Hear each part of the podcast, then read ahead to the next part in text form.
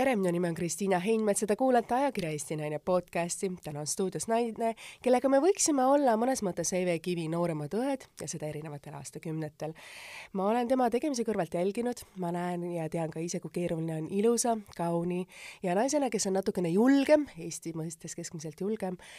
ähm, oma tegemisi ja oma sõnumit siis, kuidas öelda siis Eesti meedias kehtestada. sest on teatud tüpaažid, keda tahes või tahtmata surutakse teatud kategooriatesse ja kui sa loed tema antud intervjuud, siis sa mõtled, et aga mis oli võib-olla päriselt selle naise mõtted, mis on tema päriselt ideed, sest neid ei küsita, sest nii hea ja lihtne on nii ajakirjanikel kui Eesti üldsuses teda lahterdada ühte kindlaste kasti ja sealt hiljem välja rabeleda on väga keeruline. aga see naine on teinud väga-väga õigeid valikuid oma elus täna ei kahtle keegi enam tema kuidas öelda siis, pädevuses. ta on julgenud püüda oma unistusi ja ta on teinud seda väga õigesti, sest neid filmirolle, kus ta on tänaseks osalenud, on olnud juba mitmeid. Need filmid on need, mis jäävad kindlasti Eesti filmiajalukku, mida vaadatakse veel ja veel ja ma arvan, et neid tuleb veelgi rohkem. ta seisab kõrvuti Eesti tippnäitlejate seas ja tema debüütides ja erinevates filmirollides ei saa keegi enam kahelda tema professionaalsuses tere tulemast, telesaatejuht, näitleja, Eesti suurima jälgijaskonnaga Instagrami influencer, abikaasa ja tütre ema Grete Kuld tere, nii ilus sissejuhatus oli, et mu süda hakkas kohe kiiremini puksuma. Eks see saade olegi selles mõttes, et inspireerida teisi naisi ja meis kõigis on midagi, midagi on ilusat, midagi on head ja midagi on võib-olla sellist, mida me üritame nii ise varjata kui võib-olla ka teised inimesed, mis ei ole võib-olla nende jaoks nii head meis. aga alati, kui sul on võimalus, siis tuleb vaadata nende, kasutada siis väga sellist lihtsat näidet, kas klaas on pooltühi või pooltäis aga tere tulemast ja ma tean, et me oleme seda tänast intervjuud väga mitu korda edasi lükanud, sest sa oled tänaseks ema ja sinu pisitütar on olnud haige, et räägi, kuidas see sügis on olnud nagu sinu jaoks, et see on teistmoodi olnud, laps on käinud lasteaias, need esimesed suured viirused on olnud ja ma tean sinu sellist mõnes mõttes närvilisust emana, ma olen lugenud nendest sõnumitest läbi, et need on sinu jaoks sellised esimesed võib-olla mitte ilusad kogemused emana, sellised raskused. jaa, eks iga sügisega need haigused ikkagi noh, mööda inimesi käivad ja, ja nüüd, kui laps käib lasteaias sellest sügisest, siis siis paratamatult noh, ütleme niimoodi, et esimene mm,, esimene kuu või natukene peal oli ikkagi see, et oli äh, issand, kui ma nüüd õigesti mäletan, ta oli nagu kolm korda järjest haige, et, et oligi, et ta oli nädal aega lasteaias, nädal aega kodus, nädal aega lasteaias, nädal aega kodus ja noh, ilmselt kõik emad teavad seda, see on see vana hea skeem, jutumärkides hea et ja siis oli nüüd pikem paus haigustest ja, ja jõudsin nagu endamisi mõelda, et oh kui hea, et ta pole nüüd tükk aega haigeks jäänud, aga ei tohi mõelda neid asju et siis, siis tuli haigus kimbutama, aga praeguseks on kõik hästi, Saara on terve, taastunud ja, ja valmis varsti jälle uuesti lasteaeda minema no väga armas, nagu ma aru saan, ta on juba leppinud lasteaega, ta on selline ema ja isa geenid pärinud, et on seltskondlik üsna hea ja üsna püsimatu, nagu ka ema ja isa ja väga armas, mul on enda olnud, et äh, poiste ja postega kuidagi läks see lasteaeda midagi väga lihtsalt, tütrega mitte, aga selles mõttes on see väga õnnelik, et on ka lapsi, kes on kolm nädalat haiged ja nädal aega lasteaias, nii et mhm. selles mõttes on Saara väga tubli ja ma olen ka, tean seda, et pigem las olla laps lasteaias haige, sest kui ta puudub, ei ole hullu, nagu ta läheb kooli ja saab need viirused, siis me peame kõik need läbi põdema, see on palju keerulisem. aga milline oli sinu enda lapsepõlv ja mis on võib-olla sellised äh, teemad või sellised tähtsad pidepunktid, mida sa nüüd ise emaks olles ise, kuidas öelda siis, kasutad? minu lapsepõlv mm,, ma ütleksin, et ta oli ikkagi suures osas või noh, ütleme nii palju, kui ma mäletan, ikkagi mul oli hea ja turvaline lapsepõlv ja ja minu vanemate, ütleme siis selline elukorraldus võimaldas neil väga palju olla koos minuga ja mul hästi palju tähelepanu pöörata et äh, selles mõttes, aga huvitav on see, et ma tean, et inimene hakkab oma nii-öelda lapsepõlve mäletama kuskil kahe-kolmeaastaselt tekivad mm -hmm. esimesed mälestused. väga veider, et minul on esimesed mälestused kuskil kuuendast-seitsmendast eluaastast alles, et mul enne seda on no praktiliselt nagu blank, et, et ma ei mäleta ennast kolmesena, neljasena, viiesena, et selles mõttes äh, minu jah, esimesed nagu erksamad mälestused on ikkagi alates seal noh, ütleme, kui ma olin nagu koolieelik niimoodi kuue, kuue-seitsmeaastasena, et siis on mu esimesed mälestused, aga üldiselt oli väga hea lapsepõlv, ma olin hästi pikalt üksiklaps, et ma olin ligi üheksa aastat üksiklaps, kuni siis ma sain endale venna. nii et ma olen ikkagi kasvanud äh, selles mõttes nagu üksiklapsena, ma ütleksin alati niimoodi, et ähm, et see annab tunda. Aga väga aus ülestunnistus. Aga ja jah, palju vanemate tähelepanu saanud, et selles mõttes, aga ma arvan, et see on nii, nii positiivne kui ka negatiivne, et sellel on ka positiivne pool, et et see on ikkagi see ähm, enda tahte läbisurumine ja kui ma midagi väga soovin, siis ma teen selle nimel väga palju ka tööd tänu sellele seda on ilmselt ka näha tänaseks. Et, ähm, et mis on võib-olla need äh, õpetussõnad, mida sa ise oled oma emalt üle võtnud, et me kõik ju lapsepõlves on teatud asjad, mida meile tehakse väga selgeks ja mis on igas perekonnas, on omad sellised reeglid või arusaamad ja kui me saame nagu suuremaks, me tegelikult nende peale ei mõtle, kui me saame emaks, siis me, siis meil hakkavad järjest need asjad meelde tulema, sest me oleme ise samades olukordades, kus meie emad olid. Mm. -hmm mul ühtegi nagu kindlat õpetussõna niimoodi kohe ei meenugi, aga aga selles suhtes on ähm, selles suhtes on sul õigus ja et, et nüüd emaks saades ma hakkan kuidagi tagant äh, või noh, ütleme tagasiulatuvalt nagu hindama seda, kuidas minu vanemad mind kasvatasid ja ja eks on ka selliseid olukordi, kus ma mõtlen, et mina niimoodi ei teeks või mina niimoodi ei käituks, aga, aga kindlasti ei ole see koht, kus hakata, ütleme siis äh, äh, charge ima, kuidas see nüüd eesti keeles on hindama, jah, jah, kuidagi hinnangut andma, et, et äh, nemad andsid ikkagi endast parima, et kasvatada mind nii, nagu nad oskasid, et selles mõttes, äh, aga aeg on edasi ka läinud, et need õpetused, mis tänapäeval vanematele jagatakse, on hoopis teised, mis tol ajal, et mina ikkagi ütleme, tulles kõige, ütleme siis sinna algpunkti tagasi, et inimene sai lapse siis mina ikkagi juba mõnekuuselt, mulle anti mannaputru, eks ju. tänasel päeval on see, et, et no kuus kuud kindlasti ei oleks hea anda lisatoitu, et oleks hea, kui oleks rinnapiim, ideaalne, eks ju, kui rinnapiima ei ole võimalik anda, siis piimaasendajad. et, et selles mõttes juba kasvatusmeetodid on erinevad ja, ja ma arvan, et tol ajal inimesed võib-olla natuke võtsid vabamalt, mis mõnes mõttes on hea, et tänapäeva emad-isad on väga pinges, et üritatakse kogu aeg sinna täiuse poole, sest kogu aeg räägitakse, et kuidas peaks ja siis, kui ma sinna ei jõua, et siis ma hakkan kuidagi ennast ennast äh, nagu piitsutama või et, et kuidas, kuidas nüüd mina ei saa hakkama, aga tegelikult võiks ju palju vabamalt võtta, seda on nii lihtne rääkida, aga ega seda teha ei ole väga lihtne. mul on kolm last, ma ütlen, et äh, esimesega sa pingutad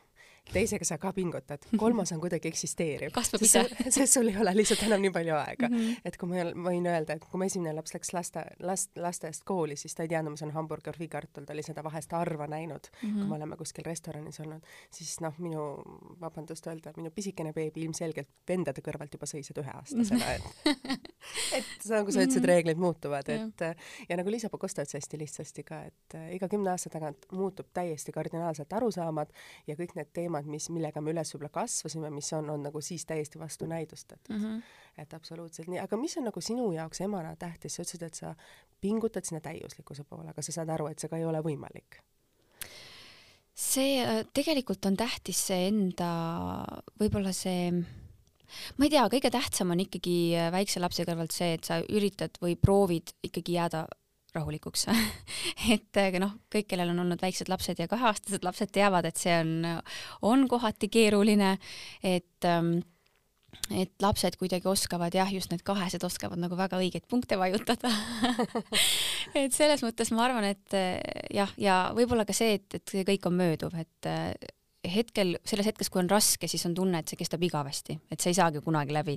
Või et kunagi ei lähegi paremaks, aga tegelikult äh, lohutus on ju see, et tulevad uued raskused. Vanad saavad läbi, aga tulevad uued.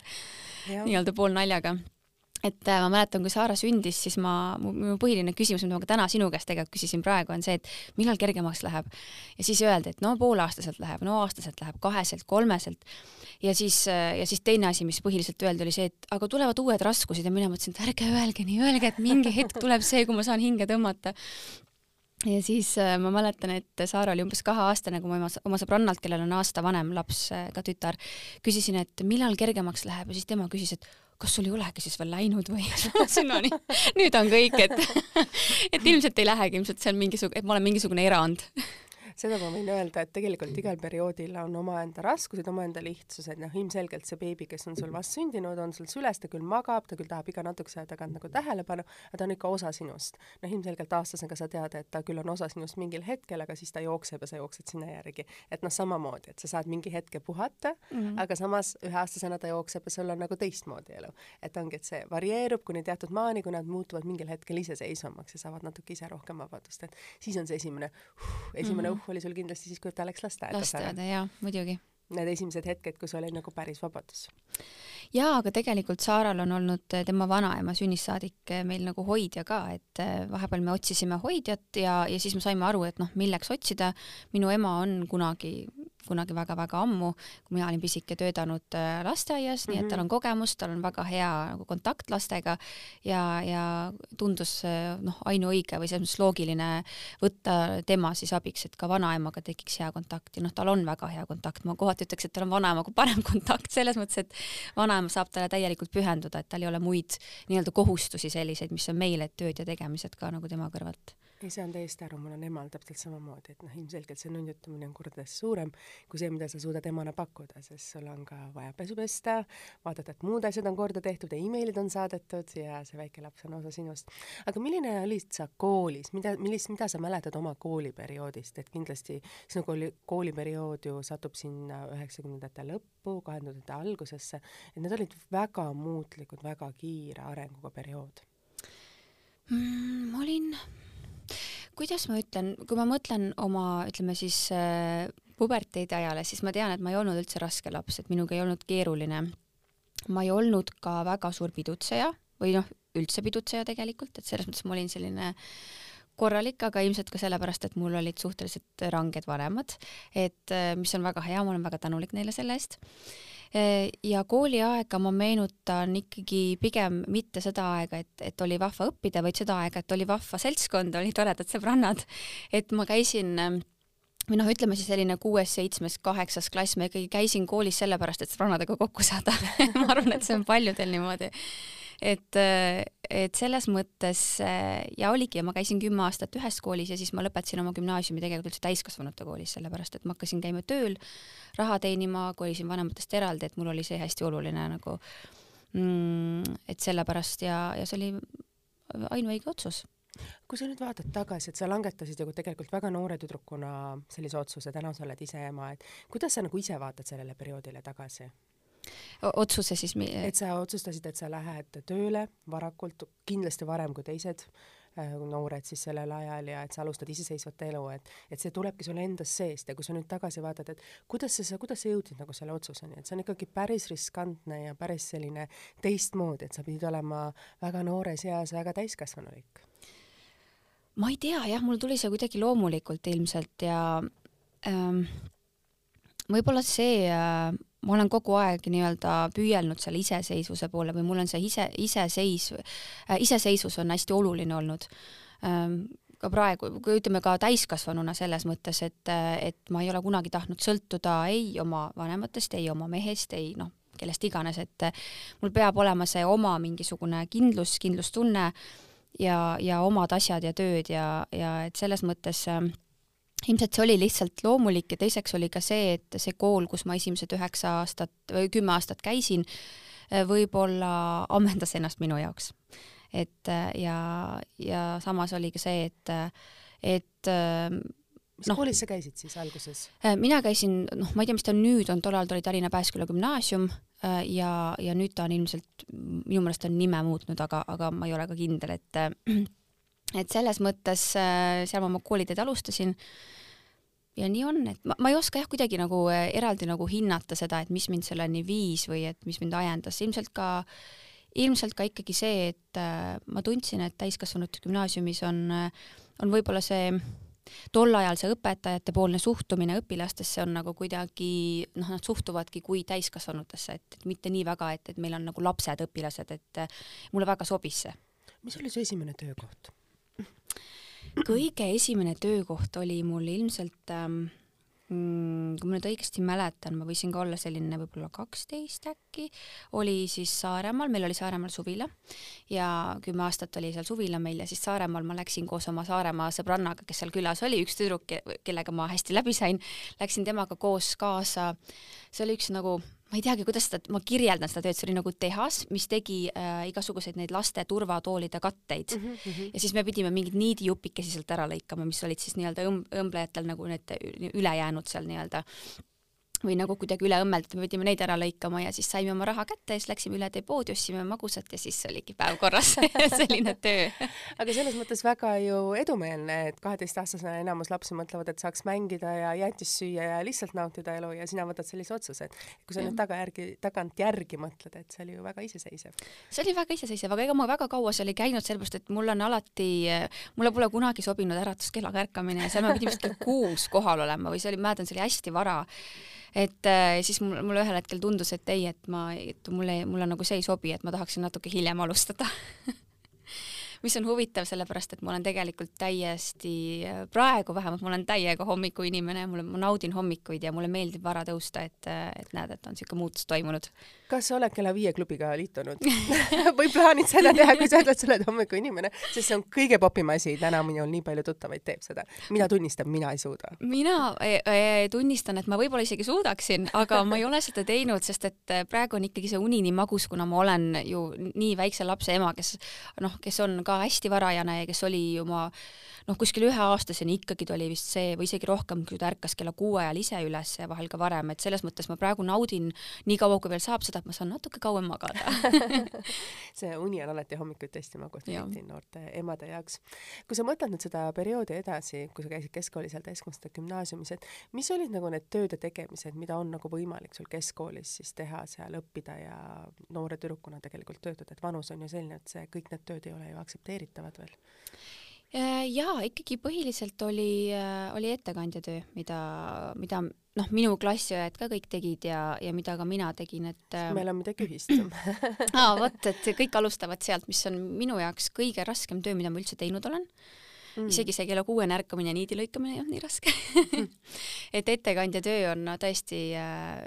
ma ikka mõtlen tagasi, et see on ikka keeruline ka nagu vaimselt selles mõttes, et kõik kliendid ei ole väga viisakad ja toredad.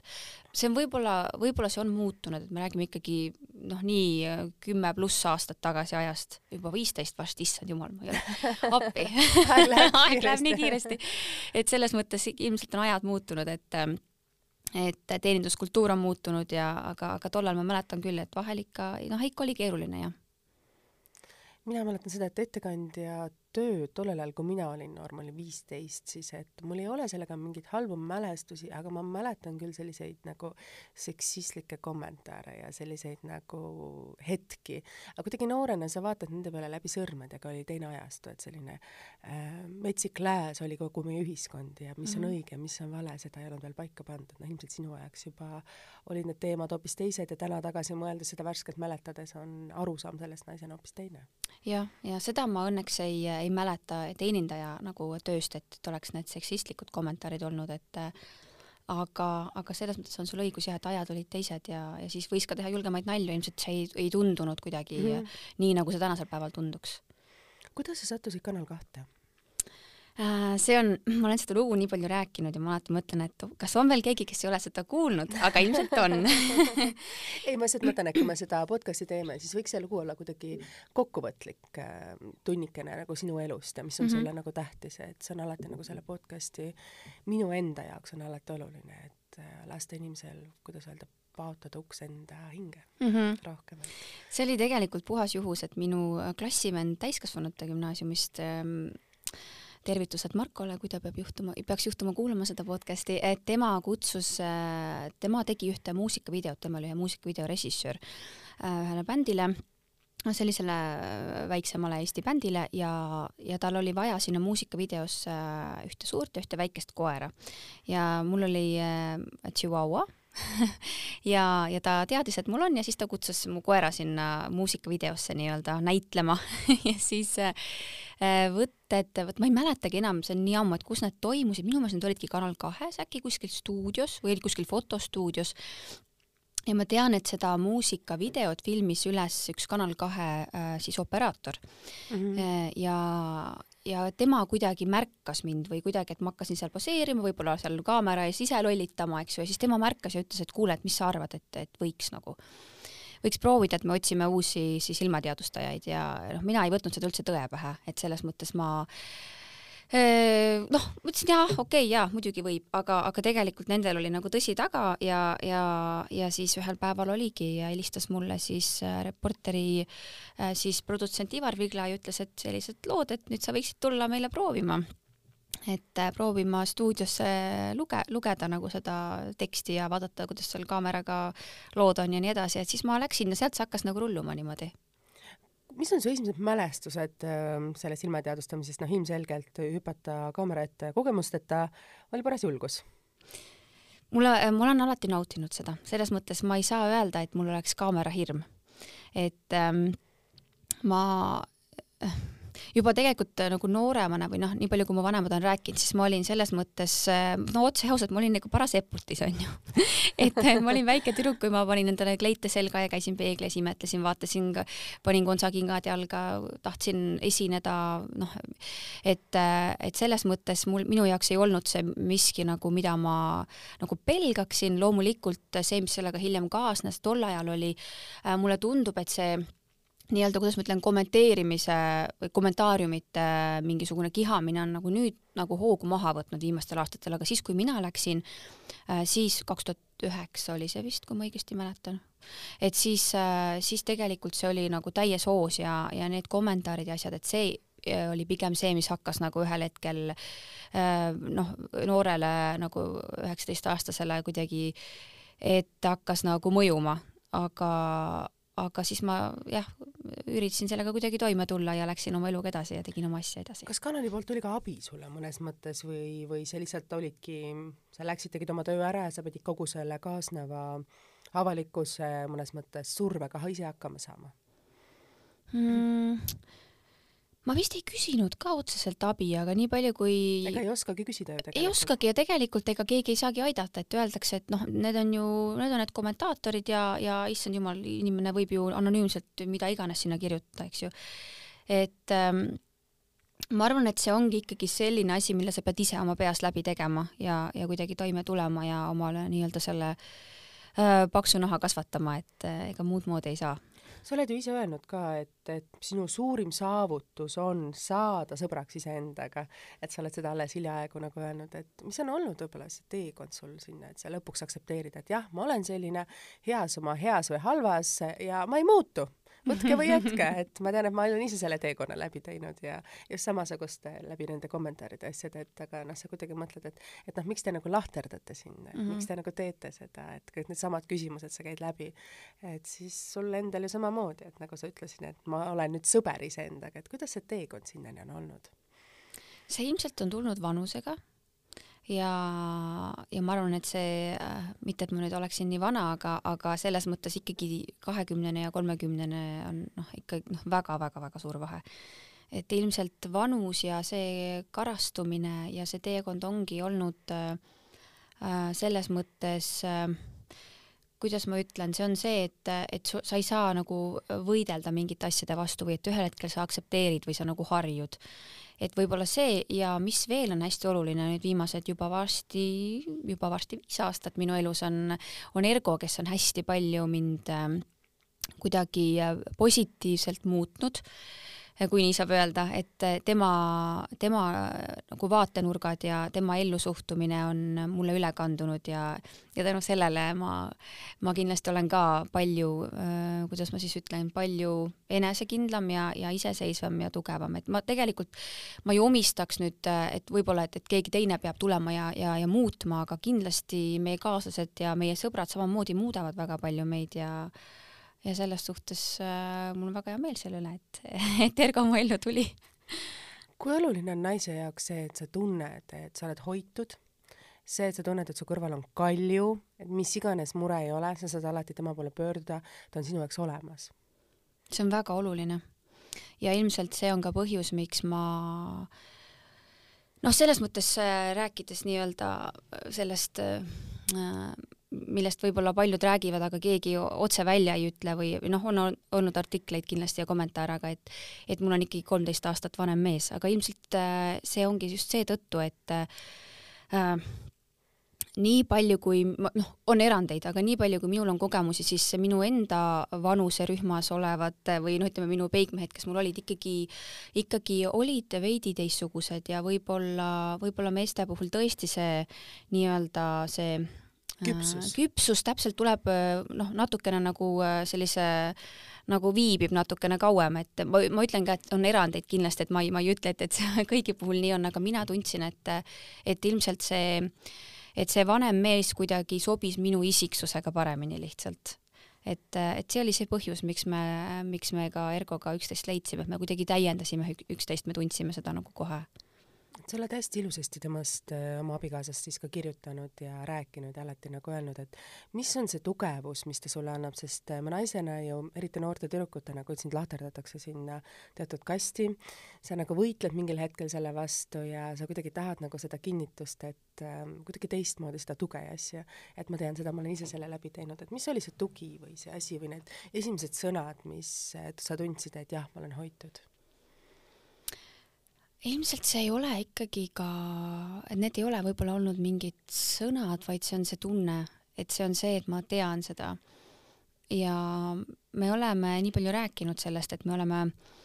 alles eile me tegelikult rääkisime sellest, kui sarnased me oleme, et me olemegi äh, täiesti, me oleme, üks on mees, teine on naine, naine, me oleme täiesti erinevates vanus, vanustes, aga meil on, meil on nii palju sarnaseid jooni, mis meid ilmselt nagu liidavad, et, et meie puhul äh, Äh, see vastandid tõmbuvad kindlasti paika ei pea, et ma ütleksin, et ikkagi kaks sarnast inimest saavad tunduvalt paremini läbi kui kaks äh, erinevat inimest. Ja mis on veel oluline, on see, et Äh, mida ma olen ka varem rääkinud oma kogemusest, on see, et ma olen olnud koos inimesega, kes teeb täiesti kardinaalselt teistsugust, peab teistsugust ametit kui mina, kelle, kellega on äh, tunduvalt raskem selles mõttes mingisugust ühist nagu sellist nagu, kuidas ma ütlen, sellist nagu mingit pidepunkti leida või et inimesed, kellel on sarnane töö või nad teevad sama tööd või neil on sarnane ma ei tea, siis tutvusringkond, et nad kuidagi, äh, kuidagi klapivad omavahel paremini. see on, see on minu kogemus lihtsalt ma arvan, et sul on väga õige selles mõttes arusaam, et äh, ma ise ka olen täheldanud oma tutvusringkonnast, et et kui sa lood pere, sul on nagu inimene kõrval, siis ta peab olema ühisosa mm. -hmm. see peab olema ka äh,, isegi kui te teete väga erinevaid töösid, siis see ühisosa peab olema kuidagi seotud, et te elate kaasa teineteisele töödele või tegemistele või te aktsepteerite seda, aga kui need on kardinaalselt kaks eemalduvat laeva, siis, siis mingil hetkel on see eemaldamine väga suur mm. -hmm. et selles mõttes see on hästi oluline, et pigem vanus ei ole oluline, ma leian just ja ega Ergo on väga selles mõttes heas mõttes lapsemeelne et ta ise ütleb ka seda. Ja, ja ilmselt, et noh, ma ütlengi, et ka neljakümne viie aastane võib olla täiesti ühest äärmusest teise, et, et selles mõttes me ikka lollitame ka korralikult, et ei ole päris nii, et, et me räägime temaga ainult tõsistel ja, ja nagu tarkadel teemadel. Sa oled osalenud sellises saates nagu Tantsud jääl kunagi. Ja. ja sinu esimene, kuidas öelda, näitlejadebüüt oli ju aastal kaks tuhat neliteist juba, ma hakkasin, kui ma täna hommikul vaatasin neid detaile üle, siis ma mõtlesin, et see on nüüd tegelikult seitse aastat tagasi. Mm. -hmm see on täiesti ulme tegelikult mõnes mõttes, kui pikk on see periood olnud ja see alles oli ju eile nagu ja, ja siis sa saad sellest aru, kui sa neid vanu pilte vaatad, mõtled, issand, kas see olen mina seal? Ei ole võimalik. Mida sa mäletad sellest äh, Padjaklubi esimestest äh, filmimistest? Ja ma tean, et äh, see oli väga suure küsimärgiga, et mis mõttes, et miks sina seal oled, et ma tean, ühiskonnas nagu oli pigem nagu negatiivne äh, suhtumine sellest ja kui te hakkasite võib-olla Ergoga seal rohkem suhtlema, siis oli, ahah, näed, et noh, tegelikult võttis produtsendi endale meheks. No täpselt, et selliseid nagu ühiskonna poolt negatiivsus igasuguste nooltega hakkama saamine, et see oli päris suur katsumus sulle. Aga meie asi tegelikult ei, ei alanud äh, päris Padjaklubi alguses, et ikkagi meie sõprus algas jah, seal Padjaklubiga ja me olime tõesti nagu head sõbrad, äh, me saime aeg-ajalt kokku, rääkisime juttu, Ergo on, Ergo on inimene, kes hästi palju äh, äh, mõtestab maailma ja, ja temaga on hästi põnev rääkida, et hästi põnev vestlusi pidada ja ja selles suhtes mind nagu äh, köitis või paelus tema juures see, äh, midagi, midagi sellist, mis meil tänaseks päevaks on selle alget, noh, meie kumbki ilmselt seal alguses kohe ei näinud, et me, et see tuli nagu äh, hiljem. aga äh, jah, selles mõttes ma arvan, et see oligi see, et me lihtsalt kulgesime paralleelselt ja ühel hetkel oli meie jaoks see õige aeg lihtsalt saabunud väga armsasti öeldud, aga mis on need esimesed mälestused, sa mäletad nende Padjaklubi filmimist, et see oli ikkagi sinu jaoks suht selline jäl-, järjekordselt vette hüppamise periood? jaa, minu esimene mälestus, ma läksin, kõigepealt oli see, et mul saadeti siis nii-öelda äh, siis päevaplaan, see nii-öelda sõiduleht, kus on siis kirjas, mis kell, kuhu keegi peab minema, mis kell Krimmis Äh, ma suutsin sealt mingi aja valesti vaadata. Äh, loomulikult, siis helistas mulle tegevprodutsent, kuule, kus sa oled, et sa pead kohal olema, mina vaatasin, aa, mul on veel tund aega aega, siis ma jooksin sinna kiiresti kohale. Ja ma mäletan, et Kertu Moppel ja Katariina, tol ajal oli ta ratassepp veel, äh, tegid siis koos mingit stseeni, vaatasid mulle otsa, ütlesid tere, et mina, minu esimene kokkupuude oli Kristel Aaslaidiga, et meie ja meil, meil oli kohe hästi hea läbisaamine ja klikk noh, me kohe klikkisime, et, et ähm, ma sain aru, et see on minu inimene ja ilmselt me hakkame väga hästi temaga läbi saama. ja, ja tol ajal oli ka Ergo siis platsil, et ta nii-öelda siis vaatas, et asi läheks ilusti käima ja oli seal olemas ja ja, ja selles mõttes ma mäletan jah, et eks ma olin ikka närvis võib-olla veidi, aga aga, aga ei, ei, ma mäletan lihtsalt seda, et ma tundsin, et meil on hästi hea sünergia tüdrukutega. Ja kui räägiti või noh, esialgne plaan oli see, et see on selline üks kiire ühehooajaline seriaal tüdrukutest, siis mina tundsin kohe alguses, et see ei ole see üks hooaeg, me teeme seda ikka kauem mis on võib-olla need äh, asjad, mis on nendest seriaalidest välja lõigatud, aga mis teeb võib-olla sinu jaoks selle seriaali perioodi nagu eriliseks, mis on võib-olla sellised detailid, mis ei jõua avalikkuse ette? mida sa mm. mäletad, võib-olla mingisugused erilised hetked või sellised kogemused või, või ebaõnnestumised, mis on sellised veidi koomilised isegi? no neid koomilisi ebaõnnestumisi on väga palju võib-olla mõni, mis sulle meenub um, mm,?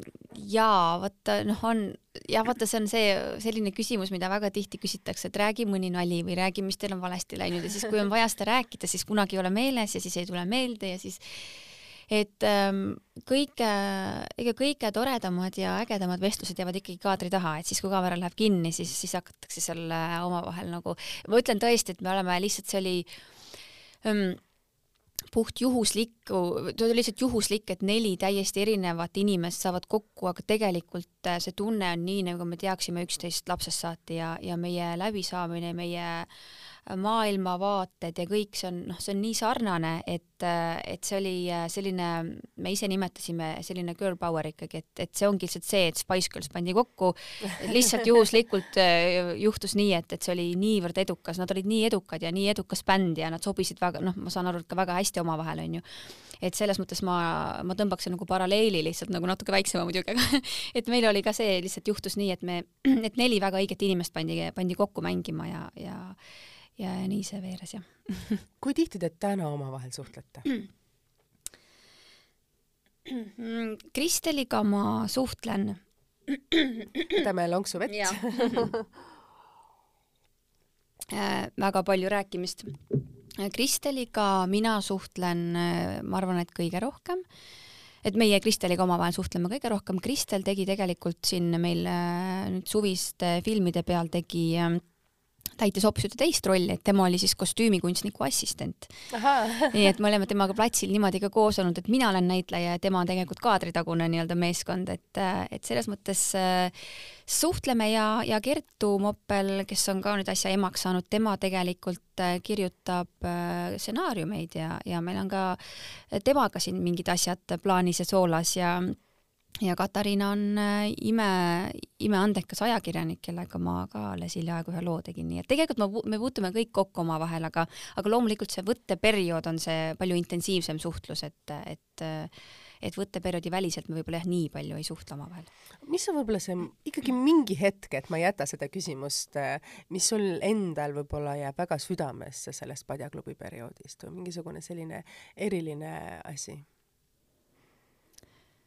Mm,? võib-olla ikka jah, see ikkagi see, et sa käid ikkagi regulaarselt nende inimestega koos, sa saad nendega võtteperioodil praktiliselt eh, noh, nädalas kolm, võib-olla ka neli korda kokku, pikad päevad koos te teete koos läbi ka mingisugused rasked hetked, kui on, kui on mingid keerulised perioodid, samamoodi tegelikult ega me võttel räägime ka oma isiklikke asju ja oma isiklikust elust ja vahetame mõtted, et meil on kõigil olnud mingisugused äh, äh, rasked perioodid elus ja me oleme üksteisele toeks olnud, et võib-olla seda jah, et see, et ongi, et sa nagu kasvad nendega kuidagi üheks pereks kokku, et see ongi see, mis on nagu, mida võib-olla on nagu tore mõelda või meenutada, jah. Te olete kõik väga noored ja nüüd on ütleme aastad edasi. nüüd me oleme väga vanad juba mitte nagu selles mõttes, aga ikkagi teie kõigi jaoks olid need ju suht esimesed suured äh, filmirollid, see oli väga vaadatud ju seriaal ja sattuda sellise noh, avalikkuse ette, et see oli kindlasti kõigi jaoks selline võib-olla natukene üllatav mm -hmm. ja teil ikka väga erinevad ju taustad selles mõttes. mis on võib-olla Ergo nagu ise öelnud aastaid hiljem nüüd võib-olla, et mi, mis talle võib-olla sellest meeskonnast meeldis või ei meeldinud või kuidas ta ise nagu, kuidas öelda, oskas astuda selle õige, õigesse kohta, et see kõik toimis selliselt? vot ma ei tea, seda peab Ergo käest küsima, et ta on, ta on ka ikkagi nimetanud seda, seda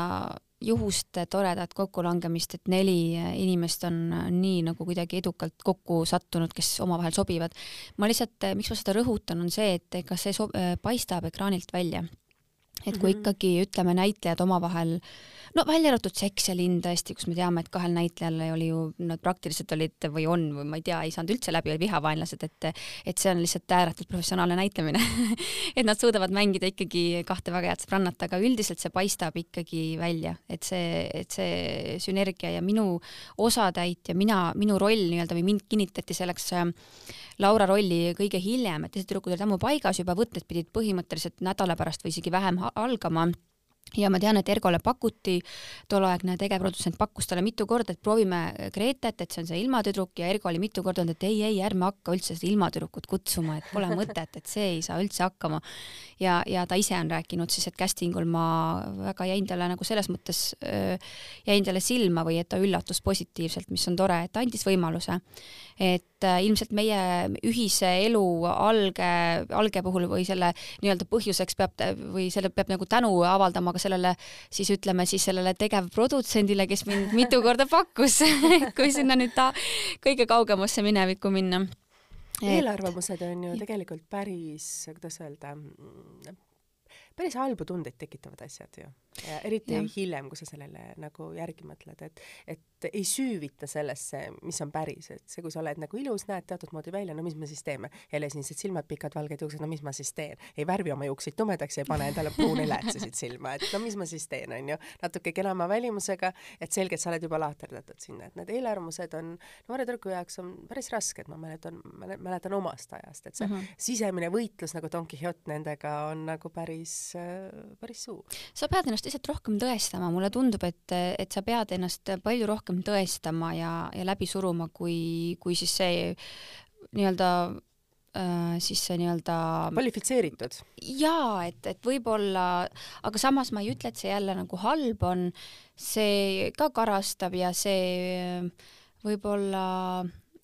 äh, paneb ka nagu rohkem pingutama, et, et kõik ei ole nii iseenesestmõistetav või et et ähm, sa muudad samas ju eelarvamusi. jaa, ja mulle meeldib see positiivne, positiivne üllatus inimeste poolt, et aga ma arvasin, et sa oled hoopis teistsugune.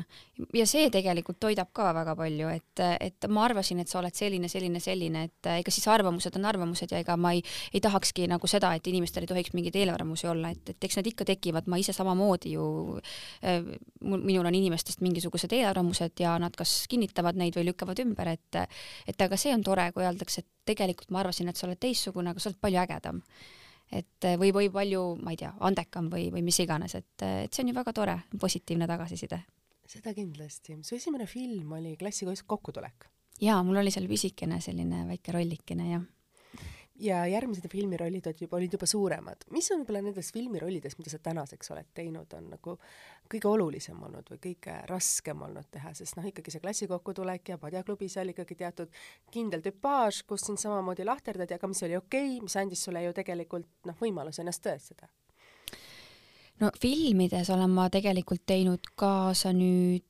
tuttu kolmes, kolmel korral, et mul on olnud kaks ähm, äh, sellist äh,, üks nagu nii-öelda suur osa, üks selline keskmine ja siis klassikokutulek oli tõesti selline väike pudin.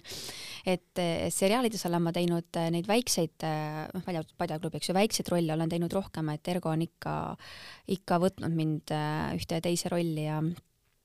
et kõige raskem, kõige raskem roll siis sa mõtled, jah? see oli kõige raskem, et noh, minu enda jaoks näiteks tundus soo mm, -hmm mida sa, kus sa mängisid ikkagi sellist äh, noh, sa, sa ei ole selline, et sa nagu sa, teades nagu sind ka eelnevatelt, sa oled ikkagi selline noh, nagu tubli tüdruk, nagu sa ütlesid ise samamoodi, et hea kasvatusega, mis iganes valikud sa oled oma elus teinud, et sul on see kuidas öelda, elementaarne emotsionaalne vundament on hästi tugev pagas, mis on antud vanemate poolt kaasa ja teha sellist päris vulgaarset rolli, see oli ikka päris selline teistmoodi võib-olla ettevõtmine ja teisest küljest oli ka see, et kuna see oli ajastufilm ja, ja, ja, ja kogu see kõne pidi olema veidi teistsugune, siis see oli kindlasti minu jaoks kõik, ma arvan, et ta oli jah, selles mõttes kõige raskem mugavustsooni mõttes, ta oli ikkagi mugavustsoonist täitsa väljas, et eh, nüüd kohe siin esilinastuv eh, jahihooaeg mm -hmm. oli selles mõttes äh, rolli mõttes ta oli ju su palju suurem, aga aga ta oli ikkagi mulle nii-öelda mugavam sinna nii-öelda, sinna mõnusalt sinna rolli istuda, et, et soovis mind korralikult välja sellest. Samas jälle ma ütlen, et soo oli ääretult põnev ja ma, ja ma jälle väga ise ootan, et see jõuaks nüüd üks hetk ometigi kinodesse, et see on juba piinlikult mitu korda tänu sellele kogule, kogu sellele Covidi olukorrale edasi lükkunud, et ta võiks ka nüüd ühel hetkel eh, kinodesse jõuda, et eh, et ma ootan seda väga ja, ja soo puhul oli ka see, et eh, ma mäletan, et kui ma esimene võttepäev läksin platsile ja mul oli esimene võttepäev oligi üks stseen et filmi tehakse jah, niimoodi rahulikult, aeglaselt, et kui seda seriaali sa saad seal kakskümmend stseeni võib-olla päevast ja heal juhul ergo tempoga saab võib-olla ka rohkem teha, et on selline väga kiire teemesilane. et siis, siis filmi puhul on jah see, et sul on võib-olla mõned stseenid päevas, aga see on hästi põhjalik ja ja kui ma nägin kogu seda, kui palju see, kui palju seda tiimi seal taga on ja, ja kaamerad ja, ja fookused ja kõik, kõik, siis mul korraks tuli selline pabin sisse küll, et issand, et mul on nüüd nii suur vastutus ja kõik need inimesed, kes seal platsil on, need on ju sinu pärast seal ja sa pead Just. selle mõneminutilise soorituse tegema perfektselt, sest need inimesed on teinud tööd ju selle nimel väga palju. ja mulle tunduski see, et vot just see on väga õige, kuidas sa seda sõnastasid, et ma ei osa, ei osanud seda nagu ise sõnadesse panna, et see on täpselt see tunne, et et sa, sul tekib nagu selline äh, sa ei saa neid alt vedada? jaa, selline soorituspinge ikkagi tekib ja ma ise tean, mis stseen see oli ja ma ka filmis, kui ma seda filmi olen vaadanud. mis stseen see oli siis juba, avalikustame selle tegelikult on see, et ma ei tea, et ma ise näen, ma näen seda, seda äh, ütleme, et kui ma võrdlen teiste stseenidega, mis mul oli, siis ma näen seda, et min-, et mul on see nagu väike värin sees. ma ei ole kunagi filmides näidelnud, ma olen teinud samamoodi Kelgukoertes ja mingites väikestes seriaalides selliseid väikseid stseene, mis on põhimõtteliselt selline seisva kuuse rolli tüüpi, et sellepärast ma ei oska nagu vaata kaasa rääkida rääkida, aga väga huvitav on kuulda just vaata noh, sinu käest, kes sa oled tulnud ju nii hoopis teise taustaga, et sa ei ole käinud neli aastat filmikoolis, kus sind treenitakse piitsaga põhimõtteliselt valmis, et sa oleks kõike seda tegema, et sa tulid ikkagi selles mõttes nagu oma, oma loomuliku talendiga, et sa oled jõudnud ju teinud pika teekonna ära sinna, et seda teha ma ikkagi äh, kiidaksin ka režissööri, et režissöör ikkagi voolib äh, ikkagi seda näitlejat nagu plastiliini, et kui on ikkagi hea režissöör, siis ta ikka ja kui on enam-vähem mingisugune andekübeke antud, siis ta ikkagi võlub selle nagu välja küll mis on see, mida Ergo ütleb alati näiteks sinu kohta, et mis on see, mida sina alati suudad selle i-täpina jätta oma rollides ähm.? mis on see, mis ta ütleb, et vot see on sinu, kuidas öelda, teema või sinu see i-täpikene sinu rollides või sinu isiksuses, kui sa näitled? ta ikkagi vahel ütlebki seda, et võib-olla see, äh, võib-olla see äh, loomulikkus või see, et ma mängin nagu päris elu pealt, et ma, ma panen sa ei ennast... näitle näitlejana. just, ja ma ütlengi, et ma, mina ei tea, kas see on tugevus või mitte, tema on seda niimoodi nimetanud, mina jälle mõtlen, et väga tore oleks see, kui oleks ju oleks ju mingisugune nii-öelda näitlejaharidus või et, et akadeemiliselt oleks mul mingisugune pagas, aga ma tean, et see akadeemiline pagas võib vahel vastupidi töötada, et, et et noh, jälle ma räägin nii palju, kui Ergo mulle rääkinud, et ta on, on, on võtnud oma, ütleme siis projektidesse kunagi minevikus näitlejaid või noh, nii-öelda rolli, rollitäitjaid, eks ju, kes ei ole näitlejaks õppinud, nad teevad seda väga hästi, nad lähevad, võib-olla õpivad näitlejaks, nad tulevad uuesti, Ergo ütleb, et nad on nagu hoolitud teistsuguseks inimeseks, et teist, nad lähenevad nagu akadeemiliselt või kuidagi nagu mingi süsteemi järgi, et nad ei lähe enam nagu selle päris elu pealt. et see vahel võib ilmselt võib nagu kahjuks tulla aga, aga et ta on jah, nagu seda rõhutanud, talle just meeldib see nii-öelda see päris elu pealt minek. mis on nagu Ergo juures see, mis äh, sind võlub, kui ta on režissöör, et sa oled teinud ju koostööd ka teiste erinevate režissööridega, kas või Kanal kahes või erinevalt, et et mis on see, mis on nagu võlub tema juures, et mida, mis ta suudab nagu näitlejat panna tegema teistmoodi kui teised? Äh, ilmselt ta väljendab ennast väga selgelt ja oskab väga hästi selgeks teha, mis, mis nüansse ta taga ajab, et see on ka oskus ja ja, ja ta nõu-, ta on, ta on hästi nõudlik. Ja ta, ma olen talle ise öelnud ka, et ära pelga lasta mul kas või viiskümmend korda seda ühte lauset öelda, teeme nii kaua, kuni sa näed, et sa oled selle kätte saanud, et meil on selline nii-öelda kokkulepe, kodune kokkulepe, et, et mina tahan, et ma oleksin ise rahul ja ja et ta ei, ta ei, ta ei mõtleks selle peale, et ah, ma ei hakka teda ära väsitama, et mis seal ikka, et võtame selle versiooni, mis oli enam-vähem, et ei, ma tahan, et oleks väga hästi ja ja ma olen selline tüüp, kes äh, tegelikult töötab piitsaga paremini kui präänikuga.